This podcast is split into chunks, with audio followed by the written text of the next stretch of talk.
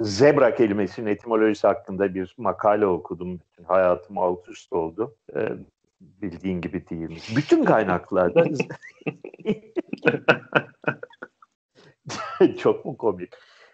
Valla bütün kaynaklarda şimdi bu şöyle e, gelişiyor olaylar. 1590'lı tarihlerde bir İtalyan Afrika'nın e, hayvanları ve bitkileri konusundaki bir kitapta ilk kez zebradan söz ediyor ve bunun Kongo bölgesinde Portekizlilerin bu bu şeye hayvana zebra adını verdiğini söylüyor. Bu da e, yani yüzyıllardan beri şey bilinen temel e, bir bir hadise. E, Oxford'un sözlüğü bile bunu kabul etmiş. Kongo dillerinden alınmıştır diye. Bütün kaynaklarda böyle yazıyor.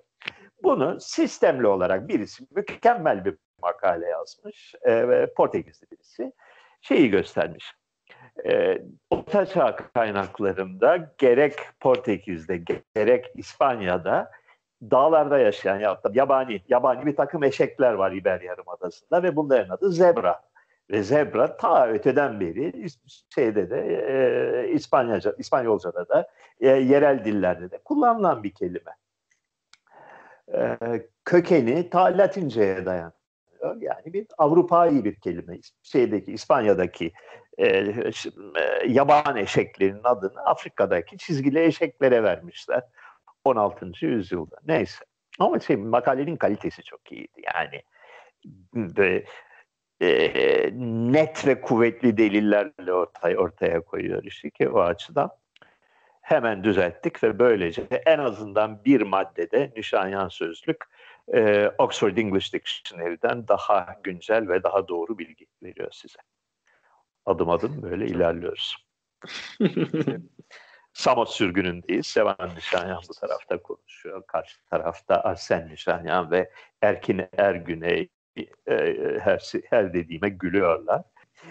İnternet de çok kötü olduğu için sesimin zebra gibi geldiğini söylüyorlar. bu mevzu, mevzuya da buradan gittik. Fakat günümüzün konusu herhalde zebra değil. Yani daha evet. ciddi, daha böyle ağır başlı bir konuya bizi davet edeceksiniz diye ümit ediyorum. Bu hafta turizmin evet. geleceğini tartışacağız. Turizmin geleceğini tartışacağız. Şahane. Aynen öyle. Ama öncesinde istersen bir korona güncellemesi yapalım. Ee, artık her hafta koronadan bahsetmek farz oldu. Sen de Facebook'ta bir paylaşım yapmışsın. 20 Mart'ta Avrupa'nın birçok yerinde korona karşıtı gösteriler olacakmış ve bunun bir umut ışığı olduğundan bahsetmişsin. Bu konuda bir şey söylemek ister misin? Ee, yani bilmiyorum Covid konusunda söyleyeceklerimin çoğunu söyledim. Daha fazlasını da o kadar şey bir konu ki bu artık e, böyle herkesin üzerinde fikir yürüttüğü bir konu ki e, böyle şeyde sohbet içinde irticalen söylenmiş olan lafların fazla bir ağırlığı olmuyor yani ne diyeceksem yeni bir şey diyeceksem bayağı düşünüp tartıp ölçüp e, kaynak gösterip dipnot verip konuşmak daha doğru fakat e, yani umut ışığı derken küçük de olsa bir umut ışığıdır deyip de böyle küçük bir lambacık yakmak istedim şeyde paylaşımımda. 20 Mart'ta Avrupa'nın her ülkesinde, büyük bir şehirde e, korona tedbirlerine karşı kitlesel gösteriler yapmayı düşünüyorlar. Onun e, posterini paylaştım. E, aşağı yukarı 30-40 ülkede bunu e, eş zamanlı olarak yapacaklarmış. E, Türkiye tabii evet. o listede yok. Bence kim katılır böyle bir protestoya? Bir profil çizebilir misin? En ilginç özelliği her türlü e, siyasi geliş geleneksel alışılmış e, siyasi e, etiketleri aşan bir şey. Yani en solcusundan en sağcısına kadar her türlü insan katılıyor. E, genellikle e, e, ticari olarak bu şeylerden ağır darbe yiyen kesimler. Yani çalışamayan, e, preker çalışan yani e, bir yerde maaşlı, sabit gelirli olmayan çok geniş bir kitle var artık dünyada. Yani iş buldukça çalışan yoksa çalışamayan. ya parça başı iş yapan ya hizmet işi yapan ya e, lokantalarda garson olarak, barlarda garson olarak çalışan ya e, çok çeşitli sektörler çok ağır darbe yedi. Yani tasfiye edildiler, yok edildiler. Onlardan e, bu yürüyüşlere katılanlar var. E, prensip olarak e, otoritenin bu derece azgınlaşmasına, devletin bu derece insan yaşamına müdahale eder hale gelmesine itiraz eden e, bir geniş bir kesim var. Onlardan katılanlar olacak. E, ana akım medyalar e, bu şeyleri, e, protestocuları kaçık ya da aşırı sağcı ya da faşist diye göstermek için el birliğiyle ve oy birliğiyle bir çalışma içindeler. Bu da e, dikkatli izlenmesi gereken bir olay. Tamam. Bu haftaki güncellememizi yaptık öyleyse korona konusunda. Turizme gelecek olursak. Şimdi korona döneminde dünya çapında turizm durdu ama yavaş yavaş açılacak gibi de duruyor. Yani bu yazlarda da önümüzdeki evet. yaz kitleler şeklinde insanlar hmm. hareket etmeye başlayacaklar. Şimdi bizim hmm. Türkiye'den alışık olduğumuz bir turizm konsepti var yıllardır oluşmuş bir münferit gezen Avrupalılar, Amerikalılar söz konusu. Bir de buna ek olarak e, turizmin esas ağırlığını çeken bir kitle turizmi var. Hmm. E, daha çok sahil kasabalarını hmm. ve beş yıldızlı otelleri tercih eden.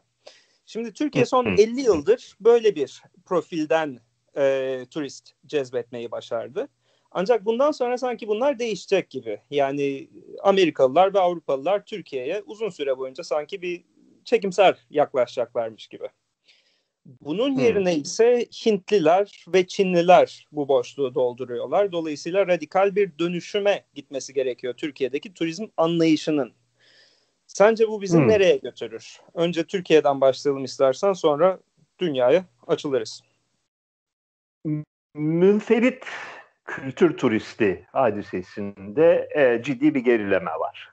Bütün dünyada gerileme var çünkü e, münferit kültür turistini cezbedecek olan e, yerlerin alanı gitgide daralıyor, gitgide ortadan kalkıyor. Yani gideyim keşfedilmemiş bir yer bulayım, tek bir turistin olmadığı e, bakir yerler bulayım şeklindeki bir e, gezi anlayışı dünyada gitgide çok dar alanlara hapsedilmeye başladı.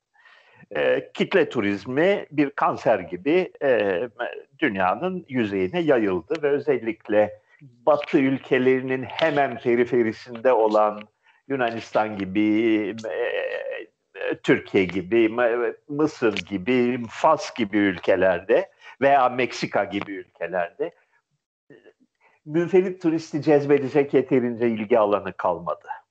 Yani e, ülke ya e, kitle turizmine büyük sayılarda insanların gelip doldur boşalt turizmi yapacakları e, şey izole edilmiş sahalar ya da e, uçsuz bucaksız bir çirkin modernlik sahası olmak üzere iki seçenek sunuyor şu aşamada.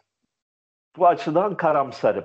Gene de turizmden para kazanılabilir mi? Yani karamsar olman kültürel e, yozlaşmadan ötürü bir karamsarlık mı yoksa yani maddi olarak tatmin edici bir sektör müdür hala turizm? Birkaç tane faktör var yakın gelecekte bizi etkileyecek. Bir, e, devletlerin keyfi bir şekilde istedikleri zaman bir yıllığına, iki yıllığına, beş yıllığına, üç aylığına neyse e, bir sektörü kapatabildikleri bir dünyada kim gider yatırım yapar? Niye yapsın? Niye güvenerek, neye güvenerek yapsın? Yani gittin açtın bir otel açtın. Ertesi sene Covid-19 bitti, Covid-29 çıktı. Ne olacak? Ee, yani böyle bir silahı vermişsin devletin eline. Kim yatırım yapar? Niçin yatırım yapsın? Yani e, şeye yatırım yapmak varken, e, Bitcoin'e veya coinlere yatırım yapmak varken niye e, fiziksel yatırım yapsın sorusu gündeme geliyor. E, Batı ile Türkiye'nin ilişkileri e, Covid olmadan da çok ciddi bir şekilde e, zedelenmişti. Bu yaranın uzunca bir süre düzeleceğini tahmin etmiyorum. Çin ve Hint kitleleri e, Avrupalıların bundan önceki 20 30 40 yılda yaşadığı süreci ne kadar tekrarlayabilirler bilmiyorum ama e, en makul yatırım odur zannediyorum. Yani e, e Çin dünyaya yayılıyor. Çin halkının çok büyük bir kısmı henüz kitle turizminin e, zevklerinden yeterince yararlanmış değil. Orta vadede eğer turizmin bir geleceği varsa o yönde çalışmak zorunda diye düşünüyorum Hindistan'a ve Çin'e e, yönelmesi gerekir. Doğrudur. Türkiye'de batılı Erkin. turistin çağı büyük ölçüde kapandı herhalde. Erkin sen ne düşünüyorsun? Bir Çinli turist ne görmek ister? Yani bugüne kadar Türkiye'nin 5 yıldızlı otellerinin Amerikalılara sunduğu hizmet Çinlileri de memnun eder mi yoksa farklı bir turizm anlayışı mı şekilleniyor acaba şu an? Bambaşka bir altyapı gerektiriyor. Yani Çinli turistin gelip münferit gezdiği çok nadirdir. Gelse bile çok belli bir rotayı takip eder. Benim şimdiye kadar gördüğüm münferit gezen Çinlilerde işte Kapadokya, Efes, Pamukkale, İstanbul rotasının dışında gezen Çinli ben görmedim. Bunlar tek gelenler. Zaten to- çok çok yani toplu gelenler bir otobüsle bu rotayı yapmayı tercih ediyorlar. Mekanik olarak çok farklı. Yani hızlı internet, sıcak su, e, noodle yiyebilecekleri bir şey ve bol bol fotoğraf çekilebilecek yer Çinli turisti şu anda en çok mutlu eden şey gibi görünüyor. E, bu yüzden zannediyorum Türkiye'nin hem kaliteli turizm sahalarının çok ciddi bir altyapı değişimi görmesi lazım. Hem de çoğu yani orta alt sınıf otellerin de değişmesi gerekiyor buna göre diye düşünüyorum. Burada sormak istediğim başka bir şey var benim. Sevan Bey sizin hmm. döneminizde özellikle bu e, gezi kitaplarını, gezi rehberlerini yazdığınız dönemde galiba dünyada şöyle bir devrim oluyormuş. Yani off the beaten path turizmi yani alışılmış rotanın dışına çıkalım fikri biraz daha yaygınlaşmış. Lonely Planet'ın çıkışı ve işte sizin yazdığı kitapları da oku, okuyunca biraz bu hissiyata kapılmıştım. Şimdi sanırım evet. bu dönem de bitiyor. Siz bunu yaparken evet. bu yeni gelen bir şey miydi? Bu niye yaygınlaştı? E, siz bunun neresinden tuttunuz? Okey. İki yani şunu ve turizmin dünya çapında bir kitle fenomeni olarak patlaması gerçekten 1970'lerden 80'den sonradır. Yani e, birdenbire rakamlar ona katlanıverdi.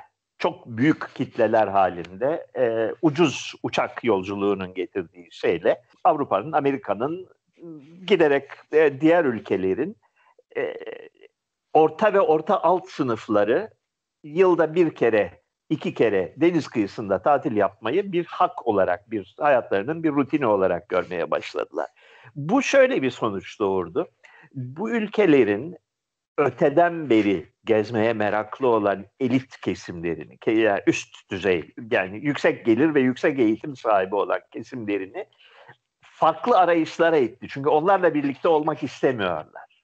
Yani e, kendini kültürlü sayan bir e, Amerikalı ya Alman ya İngiliz diğer Alman ve İngiliz ve Amerikalıların kitle olarak bulunduğu yere gitmekten hoşlanmıyor. Dolayısıyla alternatif arıyor.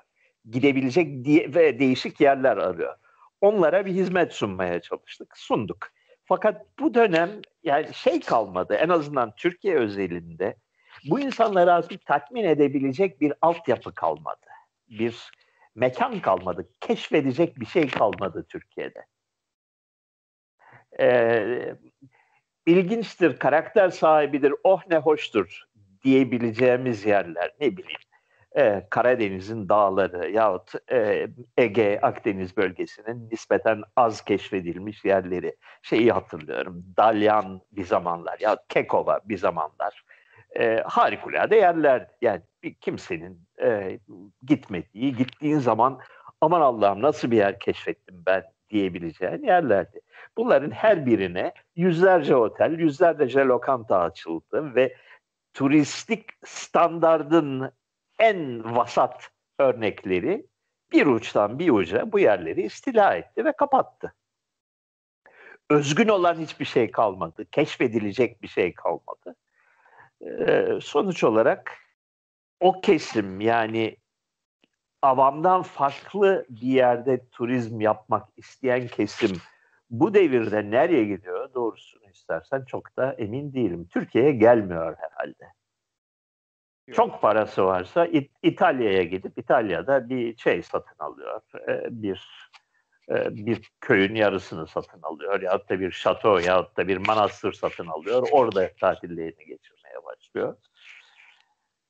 Bu e, bir sene başka bir devrime yol açtı. Türkiye'de de bunu yaşadık. E, okuduğum kadarıyla İngiltere'de filan da da bunu görüyorsun.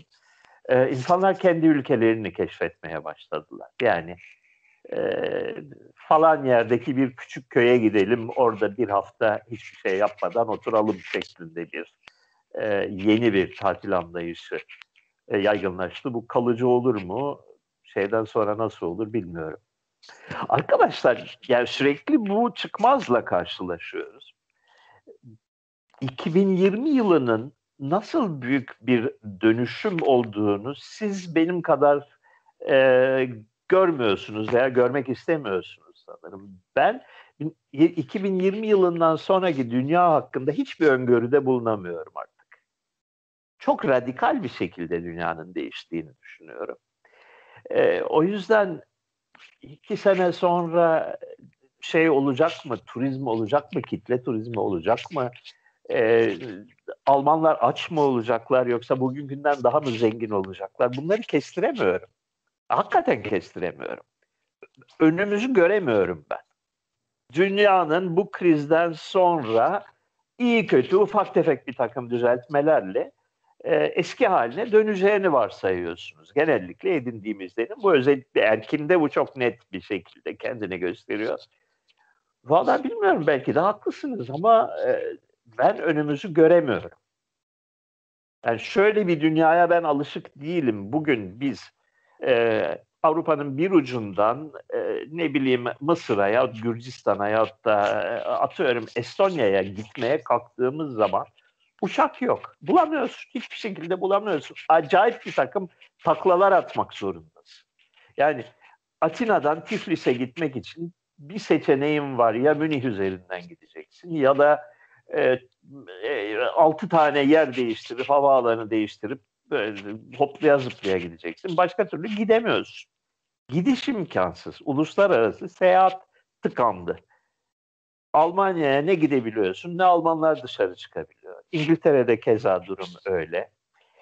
E, artı vizeler konusunda artık dünya çığırından çıktı. Bazı ülkelere artık vize verilmiyor. Yani Türkler şu anda çok özel durumları yoksa ve ayrıcalıklı bir pozisyonları yoksa Avrupa Birliği ülkelerine gidemiyorlar kardeşim. Yok kapalı.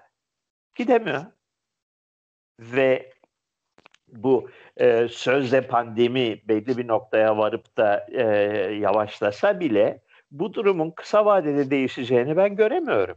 Şunu fark ettim. Ee, biraz evet. araştırdım bu hafta. 57 ve 68'de yine iki tane böyle pandemi olmuş. İkisi de yine Çin'den evet. çıkmış virüsler. Ee, siz hatırlıyor musunuz? Evet. Belki 68-69'dakini hatırlarsınız. Hong Kong virüsü diye geç, geçiyormuş o zamanlar. Biliyorum. Evet.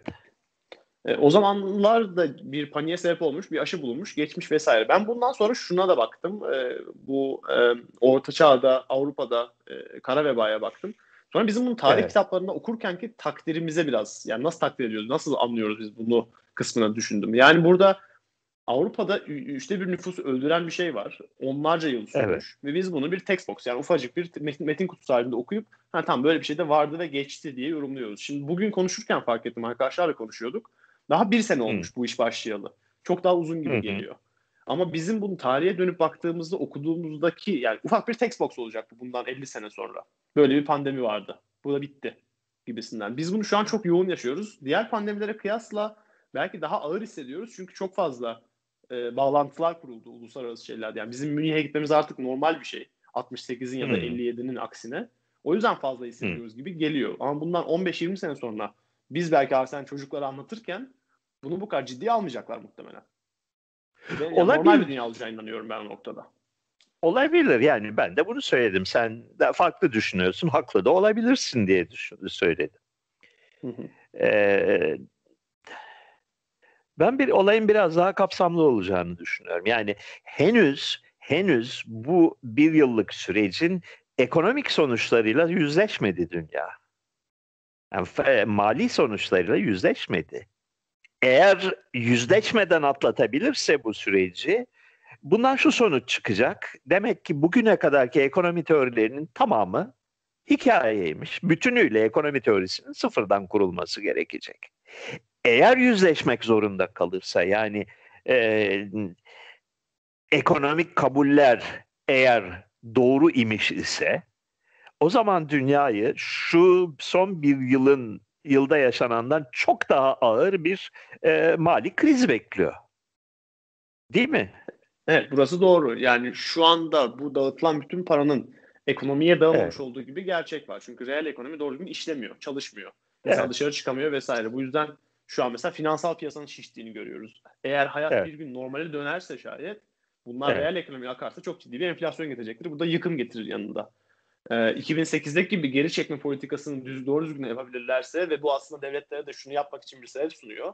Bir anda açmayalım bu sorun bitse bile kademeli olarak açalım gibisinden bir yol haritası çizmek istiyor devletler, isteyecektir daha doğrusu. Buna yönelik bir yol açıyor. Ama 2008 krizinde de aslında yaptığımız adımlar buna benzer parasal genişlemelerdi. O zaman içinde görülmemiş şeylerdi. Herkes çok uyardı burada. Ama ondan hmm. sonrasında aslında e, çok da büyük bir sorunla karşılaşmadık. E, o yüzden ben onun da olmayabileceğini düşünüyorum. Yani burada da sorunsuz atlatabiliriz ama dediğiniz şey çok doğru. Yani çok fazla miktarda para dağıtıldı şeye ve bir enflasyon etkisi görmüyoruz. Bu çok garip bir şey. Evet. Ee, ee, yani hafif bir enflasyon etkisi var. Tüm yani tüm sektörlerde fiyatlarda ciddi bir artış görünüyor. Henüz istatistiklere yansımadı. İstatistiklere ne derece güveneceğimize dair de emin değilim ben. Fakat yani basit bir gerçek var ortada. 1980 yılından beri, 1976 yılından beri tüm batılı hükümetler e, aman devleti küçültmemiz lazım, borçları kapatmamız lazım, çok feci durumdayız. E, austerity, austerity, austerity diye haykırdılar. Yani Reagan ve Thatcher'dan başlayıp e, özellikle 2008 yılını izleyen dönemde austerity adına tüm kamu hizmetleri kısıldı, e, ücretler kısıldı, e, devlet daraltıldı. Şimdi son bir yıldır öğreniyoruz ki meğer austerity hiç de lazım bir şey değilmiş devletler istedikleri kadar para basabiliyorlarmış ve bunun hiçbir sonucu yokmuş. Sonsuza kadar devletler borçlanabiliyorlarmış. Yani ödenmesi mümkün olmayan e, çaplarda e, devletler kredi şey açabiliyorlar. E, kredi, devletlere kredi açılabiliyor ve bunun da herhangi bir mali sonucu olmuyormuş. Yani devletlerin bugüne kadar yaptıkları gibi herhangi bir konuda masrafı kısmaları için hiçbir sebep yokmuş. İki ihtimal var. Ya bu doğrudur. Yani yeni bir teori keşfedildi. O zaman bugüne kadar ekonomi hakkında bildiğimiz her şeyin yanlış olduğu sonucu çıkıyor. Ya da bir şekilde kandırılıyoruz. İki görüş de bayağı kuvvetli. Bu ilk söylediğinizde MMT diyorlar. Modern Monetary Theory diye zaten biliyorsunuzdur. Bu demokratların içerisinde çok ciddi bir şekilde savunanları vardı. Biz e, evet. boş kapatmakla falan uğraşmayalım. Para basıp insanların refahını sağlamaya çalışalım diyenler var. Tabii. Stephanie Kelton diye bir kadın bunu yapıyor sözcülüğünü. Öbür tarafta Hı. da şöyle bir şey var. Amerikan yani konservatif partide e, bir iki hareket Hı. var. İçerideki enflasyon seviyesini ölçüp büyük şehirlerde bunun Amerika'nın söylediğinden çok daha yüksek olduğunu bulan bir adam var mesela. E, ismini unuttum hmm. bir şey indeksi yazar, yazarız description'a. Bu çünkü enflasyon aslında devletin bizim cebimizden parayı almak için değer yarattığında bizim ödediğimiz değer gibi bir şeye geliyor. Bir meblağa geliyor. Hmm. Çünkü adam yeni değer yaratıyor, hmm. piyasaya salıyor. Sen bunu elindeki paranın erimesiyle ödüyorsun. Burada ikisi de makul hmm. görünüyor. Bir şeyin şişiyor olmasını beklememiz lazım ama 2008 krizinde de gördüğümüz gibi daha evvelden görmek bunları zor oluyor. Yani orada bir bir Game of Cards var. Yani bir kartlardan bir kale var, İskambil'den bir kale ve burada bir tanesi sallanıyor ama hangisi acaba? Sorun bu. Hmm. Burada ben şeye gelmek istiyorum. Yani Arsen'in e, turizmle alakalı düşündükleri falan e, bayağı derin soruları var aslında. O tarafa dönmek için hep merak ettiğim bir şey soracağım. Bu özgün deneyimler kalmadı. Keşfedilebilecek e, ruhu olan, karakteri olan yerler kalmadı dedik. Bunun hmm. sebebini de Mısır'dan da konuştuğumuzdan biraz modernizm ve bunun kontrolsüz bir şekilde dağılmasına, yayılmasına bağlıyoruz. Hmm. Sizce mesela Şirince'deki gibi devletin müdahalesi hmm. Şirince özelinde mesela ruhu korumak için yardımcı olmuş gibi görünüyor. Orası şimdiye kadar 50 kere yok olurdu muhtemelen. Ee, devlete bu noktada bir yol açmalı mıyız? Yani hak vermeli miyiz? Ee, evet, bu, bu şey riskli bir soru. Ee, Şirince'nin korunmuş olduğunu düşünmüyorum. Şirince öyle ya da böyle boku çıkmış bir yerdir. Yani basit bir sayı nüfus meselesinde e, aslına bakarsan hadise. Yüz milyonlarca insan eş zamanlı olarak tatile çıkıp gezmeye başladıklarında herhangi bir şeyin korunmasına imkan yoktur bizim baştan beri ileri sürdüğümüz bir şey vardı. Şirince e, böyle çok spektaküler bir özelliği olmayan büyük bir anıtları da ne bileyim e, vay bunu görmesem olmazdı dedi, diyeceğim bir şey olmayan sadece atmosferi güzel olan bir böyle bir mütevazı bir köy. Bu köyün içine sen günde 40 tane otobüs soktuğun anda geriye hiçbir şey kalmaz. Hiçbir özelliği kalmaz. Püf noktası zaten o otobüslerin orada olmaması. O yüzden biz nasıl yaparız da e, az insan gelsin fakat e, köylü yani Şirince'de işletme sahipleri yine de para kazansının formülleri üzerinde çalıştık. Ki bu konuda işte İtalya'nın, Fransa'nın bayağı ciddi deneyimleri var. Yani İtalya'da, Fransa'da bin türlü e, dünya güzeli köyler var. E, tabii sayıca çok fazla. Türkiye'de o anlamda çok kısıtlı bir repertuarla şeydeyiz, e, piyasadayız. Binlerce köy var böyle e, ah ne güzelmiş diyebileceğin. E, şeyi az. Yani milyonlarca insan aynı anda sokağında yürümüyor bu köyleri. Çünkü onlar yürümeye başladığı anda bir cazibesi yok artık. Bir alternatif olmaktan çıkıyor. Şeyi olmayan, çözümü olmayan bir problem. Bana öyle geliyor ki. Yani Şirince'ye günde kaç kişi geliyor şu anda eminim bunun hesabını yapmışsınızdır. Birkaç bin kişi gelmeye başladığı anda elbette bundan yararlanmak için çok sayıda işletme açılacaktır. Elbette orası bir alışveriş merkezine dönecektir. Yani bir AVM'den bir farkı yok sadece şey temalı bir AVM haline geldi Şirince. Şimdi korona döneminin gösterdiği bir şey varsa o da Şirince gibi yerlerin aksine şu dönemde müthiş bir alternatif sundu. Sokakta çok fazla insanın yürümesini kısıtlayınca devlet bir anda Şirince gibi yerlere konaklamalı olarak gitmek cazip hale geldi. Çünkü hmm. doğa içerisinde yürüyebiliyorsun. Sokakları boş. Bir hani bir panayır havası yok. Binlerce turistle birlikte gezmiyorsun. Dolayısıyla zamanın durmuş olduğu böyle bir hani terk edilmiş adeta bir yere dönüştü Şirince. Ancak hmm. ilk turizmin daha paralı kesmi bu gibi yerleri tercih etmeye başladılar. Dolayısıyla Şirince evet. aslında bundan iki yıl önce kaybettiği şeyi şu anda geri almaya başladı şu son bir, bir buçuk yılda. Yani ekonomik olarak hala turizme Şirince gibi bir yerde yatırım yapılabilir. Güzel yani tekrar tekrar ben uzakta kalmanın ve şey olayı parmak uçlarımda hissedememenin e, handikapını yaşıyorum yani bunu e, benim size anlattığım Şirince 3 sene öncenin ya 6 sene öncenin Şirincesi ki hoş bir şey değildi. Evet. Kesin surette değildi. Belki Yunanistan'da yeterince paralı bir sınıf olmadığı için ya çok fazla ada olduğu için bu yeni trendler Samos'ta hissedilmiyordur. Ee, ama turizm anlayışı en azından Türkiye içinden bakıldığında ciddi biçimde değiştiğini görüyorum. Ve bunun kalıcı bir şey olabileceğini en azından 4-5 yıl boyunca sürdürülebileceğine de inanıyorum. Domestik Türklerden turizm. söz ediyor. Türklerden evet. söz ediyoruz. Aynen Aha. öyle, aynen öyle. Dolayısıyla şimdi dağ köyleri, işte Tokat'ın dağındaki köyler, Bolu'nun dağındaki köyler bir anda aksine revaçta. Güzel, güzel, iyi yani şeyin üzerinde de durmak lazım. O da çok çok yepyeni bir dinamik getirebilir. Bu evden çalışma hadisesi yerleşecek olursa e, şehirlerden köylere doğru çok ciddi bir göç başlayabilir. Ki mesela İngiltere'de bu olay bu olay yaşanıyor diyorlar. Yani çok çok kapsamlı bir şekilde yaşanıyor. Yani millet e, yani şey yok, e, lokantalar yok, tiyatrolar yok, konserler yok. E ofis de kapalı. Benim şeyde Londra'da ne işim var diyor. Londra'da ödeyeceğim kiranın onda biriyle gider köyde bir evde otururum. Hem daha güzel bir yerde oturmuş olurum.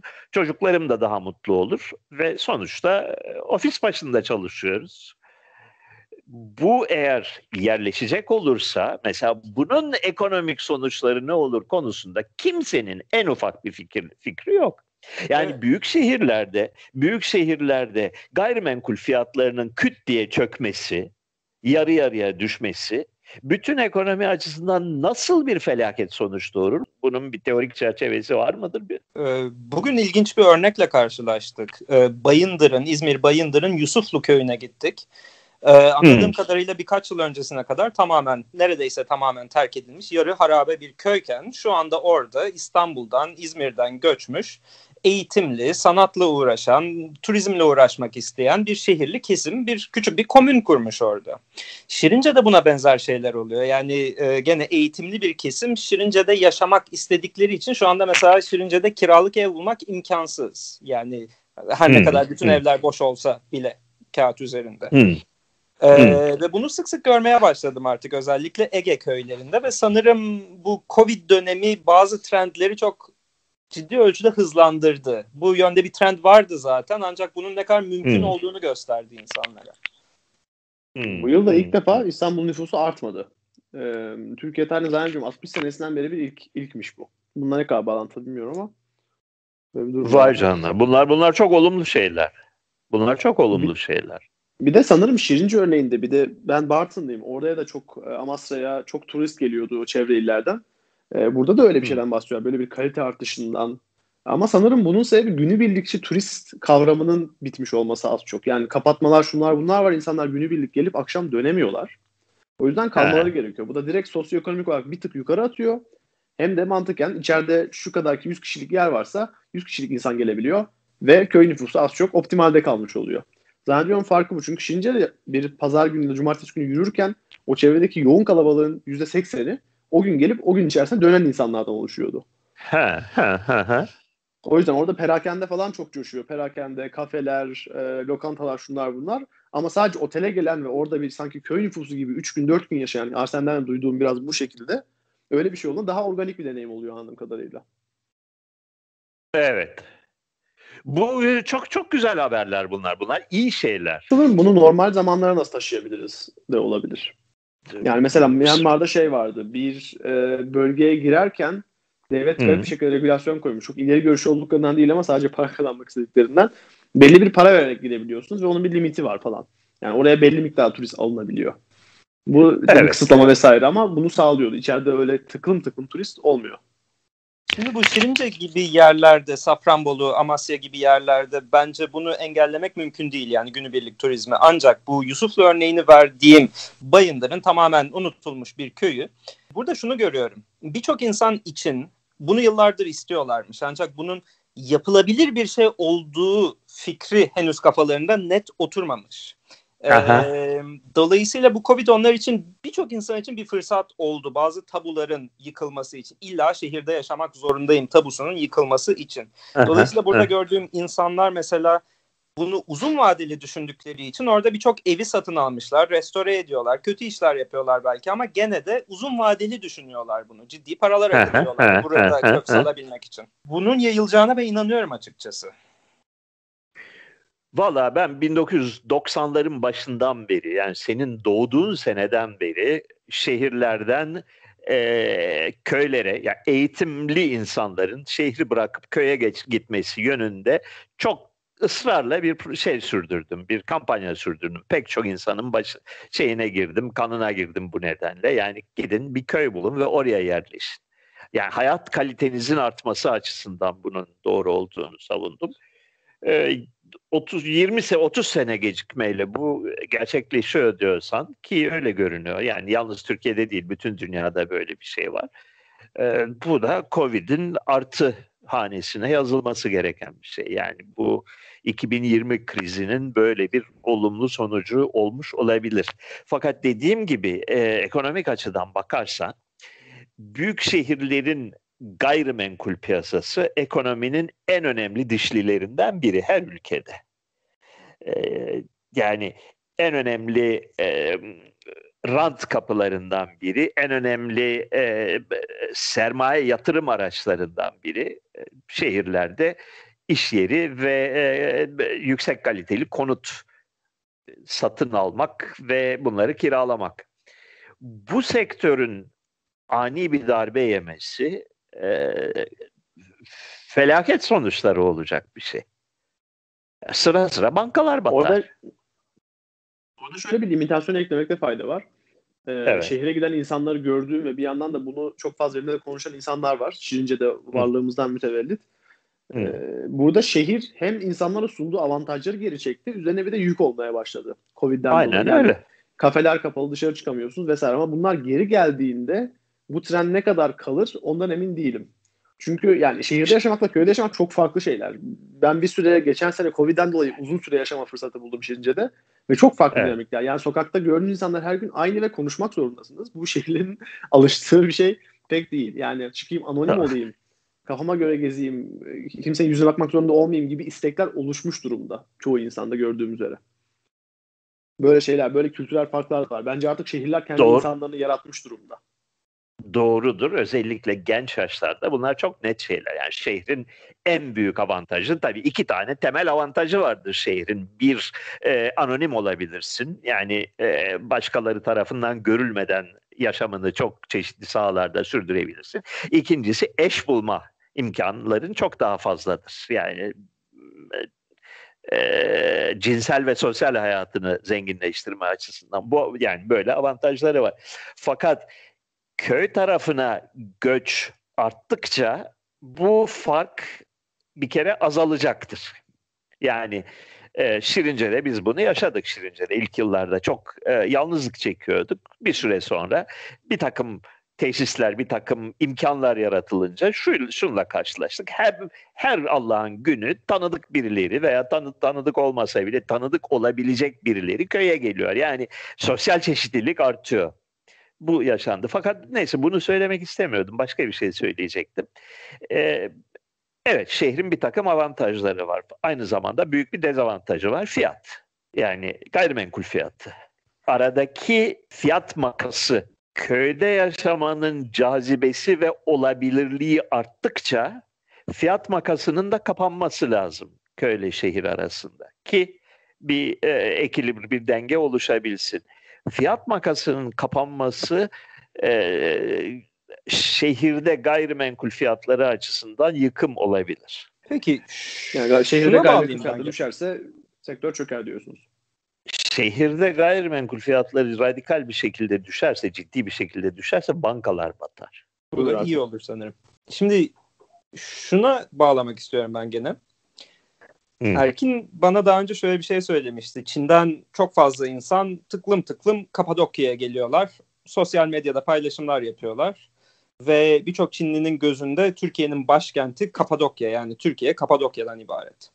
Hmm. Ve şeyi de görüyorum yani şu korona döneminde de Çin yurt dışına çok fazla yatırım yaptı. Mesela Fransa'nın güneyinde onlarca şato ve en eski işte bağları satın almışlar. Fran- e, Çinli turistler gitsin şarap e, içebilsinler hmm. diye rahat rahat. Gene Kapadokya'da mesela Çinli turizme yönelik ciddi atılımlar söz konusu. Ama ben şunu fark etmiştim özellikle Tayland'a gittiğimde ki Tayland hani yıllardır hep Çinli turistle geçinen bir ülke. Çinliler için tasarlanmış turizm konsepti bizim anladığımız konseptin bir hayli dışında. İngilizce komünikasyon mümkün değil ki yani Amerikan kültüründen çok daha farklı bir paket sunmak gerekiyor olduğunu Aha. anlamıştım Tayland'a gittiğimde. Aha. Dolayısıyla şu anda mesela Kapadokya'ya yatırım yapmak isteyen bir turizmci ve Çinlileri bekleyen bir turizmciye nasıl önerilerde bulunabiliriz acaba? Çünkü bu reel bir soru olarak geldi. Sanırım bu konuda Erkin biraz daha fazla tecrübesi vardır. Evet, benim sıfır tecrübem var. En ufak bir fikrim yok. Yani e, Çinli turiste turizm nasıl satılır konusunda sıfır bilgim var. Burada öncelikle Türkiye için ufak bir yine e, şanssızlıktan bahsederek şey yapalım. E, evvelden Türkiye'nin en büyük derdi biliyorsunuz işe deveyle mi gidiyorsunuz? Du, kültürel personamızda büyük yaralar açan. Çinlerden de şöyle şakalar geliyor. İşe balonla mı gidiyorsunuz diye. Durum o raddede. İstanbul hani yarı yarıya, Kapadokya yüzde yüz. Herkes biliyor. Çin turisti çekebilecek şeyler var. Senin dediği gibi Amerikan, Avrupalı paketten ekstrem uzakta. Deneyim paketinden ziyade oradan sunulabilecek enstantaneler çok daha önemli gibi öne çıkıyor. Çünkü adamların gerçekten ben başlangıçta gittiğimde acaba e, biraz ırkçı mı davranıyorum işte yanlış mı anlıyorum falan filan diye baktım. Yok yani iki, iki buçuk senenin sonunda gördüm ki adamlar fotoğraf çekilmeye bayılıyorlar. İstekleri bu. Çoğu yere bunun için gidiyorlar. Hem işte hı hı. biraz daha yakından tanıyınca gerçekten bunu gördüm. Bu yüzden çok net, sinik bir lokasyon. Bir tane bile olsa yeterli. Yani o piramitlerin bir açıdan görünüşü var ya Kahire'nin yukarıdan O yeterli evet. aslında yani. Öyle, öyle enstantaner oynamamız lazım. Eğer bir turizmde yatırımcı olacaksak. Ee, sıcak su inanamayacağınız bir önem seviyesinde. Çinliler normal su içmeyi sağlıksız buluyorlar. Sıcak su içmeyi çok sağlıklı buluyorlar ve devamlı noodle'ları için sıcak suya ihtiyaçları var. Bu yüzden sıcak su olmayan yerlerde e, çok zorlanıyorlar. İnanamazsınız trenlerde soğuk su e, yani su şeyler sebilleri var soğuk su vermiyor sıcak su veriyor sadece ve gerçekten sıcak yani çay sıcaklığında bir su veriyor size onu içiyorsunuz öyle yani normal içme suyu olarak. Şimdi e, çok net bir şekilde görünen bir şey var. Aslında turizm şöyle mi olmalı böyle mi olmalı diye konuşurken iki ayrı apayrı iki sektörden söz ediyoruz. Bir e, bütün dünyada olduğu gibi Türkiye'de de bir iç turizmin e, nitelik değiştirmesinden ve aynı zamanda nicelik değiştirmesinden söz ettik e, deminden beri. Yani bunun ihtiyaçları, bunun buna verilecek olan hizmet ve yatırım bambaşka bir şey. E, bir de kitle turizminin genel trendinde bir değişiklikten söz ediyoruz. Türkiye bugüne kadar e, Amerikan kitle turizmi pek görmedi. E, Alman kitle turizmine çalıştı. Alman ve İngilizdir. İki büyük piyasası vardı Türkiye'nin. Bunlara son 5-10 sene içinde Ruslar da eklenmişti. E, şimdi diyorsunuz ki Çin'dir yeni piyasa o alanda. Bu da yepyeni e, şeyler gerektiriyor. Yepyeni bir altyapı, yepyeni bir yaklaşım gerektiriyor. Bu iki birbirinden bağımsız ve birbirine alakasız ve birbiriyle zeytinyağı ve şey gibi, e, sirke gibi karışmayacak olan iki ayrı sektörde, iki birbirine yabancı sektörde e, gelişme potansiyeli var diyorsunuz. Beni de ikna ediyorsunuz. Evet doğrudur. Vurucu istatistikle isterseniz bir şey ekleyeyim. Çin nüfusunun şu anda %5'inin pasaportu var. Aha. Korkunç bir bilgi. Ee, Çarpıldım birdenbire. E ne? Şey yani Türkiye böyle her kasabaya böyle Irish publar bilmem ne böyle Amerikalı e, İngilizleri ve Almanları çeksin diye inanılmaz bir altyapı yatırımı yaptı yıllarca. Özel sektör evet. ve aynı zamanda belediyeler falan. E evet. Şimdi bunların hepsinin dönüşmesi gerekiyorsa e, bizi çevreleyen ortamda bayağı hani ilginç bir noktaya doğru evrilebilir hayatımız. Çünkü ne gibi? tanımıyoruz. Ya Amerikalılar gelmeden önce Batı kültürünü tanıyorduk. Yani bu adamların evet. başına ne gider diye az çok biliyorduk da. Yani şimdi evet. bütün süreci unutup baştan öğrenmek gerekecek sanırım Türkiye'de. Benim gibilere mecbursunuz galiba. Aynen yani bir Çinliyi çünkü Irish pub'da düşünemiyorum. Türkiye Heh, bak doğru çok şey hatırladım. İnanılmaz unuttum. Ee, şey Çinlilerde bar konsepti yok. Yani barda içmek hmm. diye bir konsept yok. Yemekte içiliyor ve yemekler 4-5 saat sürüyor. Lokantada içme var. O yüzden bar böyle Çin'de bir yabancı mekanı falan. Yabancı objesi. Niye gidelim ki falan modundalar. Hmm. O da korkunç. Çinliler ara Çinli turistin e, Türkiye'de plaja gelme ihtimali nedir? İyi soru. Yani Hiç plaj, görmedim. Ben de görmedim. Evet. Yani, yani Antalya'daki Efes... o oteller ne olacak? Evet. Yani Efes tıklım tıklım arkeolojiye tekrar bir şey doğdu, gün doğdu. Dolayı çünkü hani Çinlilerin hoşuna giden bir şey arkeolojik mekanlar çünkü paylaşabiliyorlar. Ee, ama evet yani plajları kim dolduracak? Aynı zamanda kafeleri ve barları kim dolduracak? Kafelerin, barların zaten hepsi battı. Yani onları tasfiye edersin, başka başka yatırımlara yönlendirirsin. Ama e, koskoca Antalya sah Körfezi sahilini bir uçtan bir uca kaplayan e, oteller zinciri ne olacak? Almanlar gelmezse yerine Ruslar geliyordu. Rus Ruslar gelmeye devam eder herhalde. Yani Rusların başka çaresi yok. Ya bir de Araplarla evet, fiyatı biraz daha azaltıp evet. ya Araplarla da eninde sonunda barışırlar. Yani onlar da geliyordu. Evet. Tabii yani Ruslar açısından e, Türkiye'nin plajlarının cazibesi e, Rusya'da plaj yok. E, Türkiye'de en yakın e, iyi kötü yazın denize girilebilecek olan yer. E, Araplar açısından Türkiye'nin cazibesi ne? E, rahat olabilecekleri, içki içebilecekleri bir memleket. Evet. O iki piyasaya oynamak zorunda Türkiye. Turizm alanında. Uçak şirketleri ne olacak Allah aşkına? Yani uçak şirketi kalacak mı memle dünyada? Yani yine doluyor gibi bir hissiyat var. Geçen hafta sonu Şirince'ye gittim geldim. Ee, hmm. Uçakla. Sayıları çok azaltılmış durumda ama insanlar yine ihtiyaç için kullanıyorlar ve artık öyle çok önlem falan da kalmamış belli ki. Ya ortayı boş bırakma gibi bir şeyler vardı. Onlar da yok. Ee, ha, ha. Sanırım artık insan umursamama ve yani işim var ne yapayım diyeceğim artık. Hani ölecek halimiz yok ya moduna geldiler diye düşünüyorum. Evet ya bugün çok ilginçti. Çünkü bugün ilk kez resmi olarak her yerde bütün İzmir ili içerisinde kafeler, restoranlar falan ilk kez böyle son 3-4 aydır hizmet vermeye başladılar. Sanki hiçbir Öyle şey mi? değişmemiş He. gibiydi. Yani bütün kafeler, Selçuk'taki bütün kafeler tıklım tıklımdı. Bayındır'daki kafeler tıklım tıklımdı. Her birinde yani sanki böyle tozlanmamıştı bile mekanlar. Yani kepenk indirmiş esnafa pek rastlamıyorum ben Türkiye'de açık olmak gerekirse. İyi, olumlu izler bunlar. Güzel. Evet. Dolayısıyla normale dönebileceğimiz konusunda bugün bayağı gördüklerim beni inandırdı. Okay. Aynı şekilde Ankara'da kucak kucağa oturuyorduk bugün Starbucks'ta. Yunanistan'da ise bu hafta e, full e, lockdown ilan edildi. Bir haftalık. Her şey kapandı. Akşam 6'dan sonra bütün ülke çapında sokağa çıkma yasağı var. E, gündüz de ancak SMS göndererek sokağa çıkabiliyorsun. İzin almadan sokağa çıkamıyorsun.